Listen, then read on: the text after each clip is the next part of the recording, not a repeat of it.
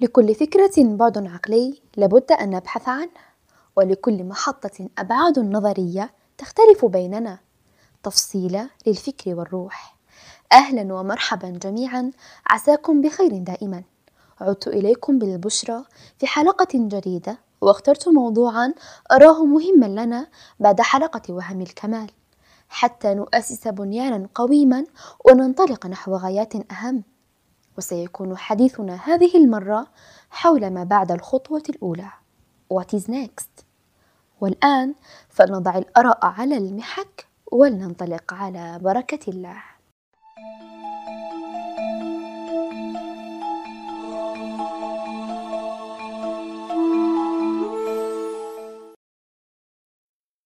تحمسنا وكسرنا حاجز الوهم أمامنا وقضينا على المنغصات التي طالما حرمتنا لذه الانطلاقه تجاوزنا أنفسنا وتغلبنا على الهوى المحب لمنطقة الراحة وبدأنا العمل. ولكن سرعان ما تلاشت كل تلك الحماسة وبدأت الطاقة تفتر يوما بعد آخر. ورحنا ندخل في دوامة جديدة لا نعرف لما كانت وكيف الخلاص منها. إنها مرحلة ما بعد الخطوة الأولى. دائما ما يكون الحافز الأول لنا حتى ننجز شيئا ما تلك النشوة الآنية التي تدفعك للنهوض من مرقدك ولكنها سرعان ما تتلاشى حينما تقوم بتلك الخطوة الأولى. ثم يأتي عامل آخر يكون أشبه بالفترة التي سبقت تلك القفزة فترة فتور لابد أن ينتهي هنا. وفي هذه الأثناء أمامك حل واحد فقط يمكنك فعله لإنقاذ نفسك من نفسك مرة أخرى والحل يتمثل في سؤال واحد وجيه تطرحه على نفسك لمعرفة الحقيقة القابعة هناك ماذا بعد؟ ماذا بعد المشروع وانطلاقته؟ ماذا بعد التخصص الجامعي؟ ماذا بعد الفكرة الأولى؟ وهذه الماذا بعد توصلنا إلى معرفة الفروع الجذرية حتى نحقق الرضا الذاتي. إننا لم نعد نواجه مشكلة واحدة تكمن في حب الراحة أو في هوس المثالية، ولكن هذه المرحلة أشبه بالدوامة الحقيقية إذا لم نعرف مخارجها. عدم وضوح الرؤية وضبابية الطريق تجعلنا نتوقف حتى نسأل السؤال عند كل منعطف ماذا بعد؟ إلى أن نصل إلى العمق العمق الذي هو الهدف الأول بل والغاية الأسمى إن المعين الحقيقي في عملية الوصول إلى الغاية الأسمى هو تحويلها إلى أهداف جزئية واقعية ترتبط فيما بينها بسؤال ماذا بعد؟ وتحقق لنا الرضا الذاتي الذي يعتبر في حد ذاته محفزا للمواصلة والعمل. ومن الطبيعي جدا أن يصل الإنسان إلى حالة من اليأس والشعور بالعجز فما دمنا في دنيا فنحن أمام فظاعة الاحتمال بين مد وجزر وبين قوة وضعف ولكن الخروج من هذه الحالة لا يتطلب لا جهدا ولا وقتا خارقا يحتاج فقط إلى السؤال العلاجي ماذا بعد؟ ماذا بعد اليأس؟ وماذا بعد العجز؟ وسيوصله إلى الباب حيث النور مرة أخرى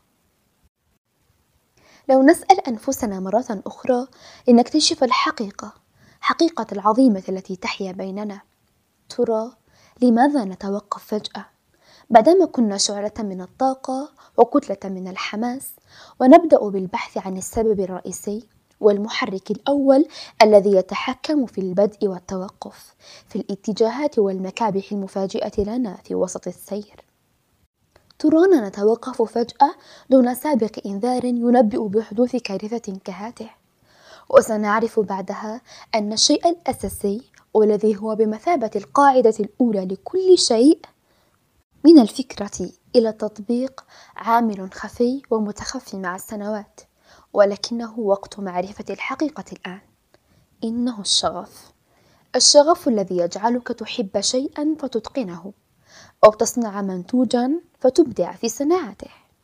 الشغف هو ما يحركنا للعمل بحب وتفان والآن بالكاد نصل إلى الحقيقة.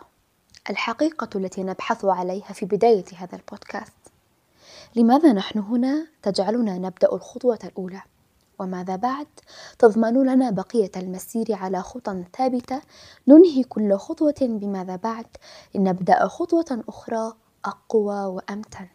يكون الشغف محركها الأول ويكون الرضا ملازم لها في كل حين. نلقاكم في حلقات قادمة. دمتم بخير دائما.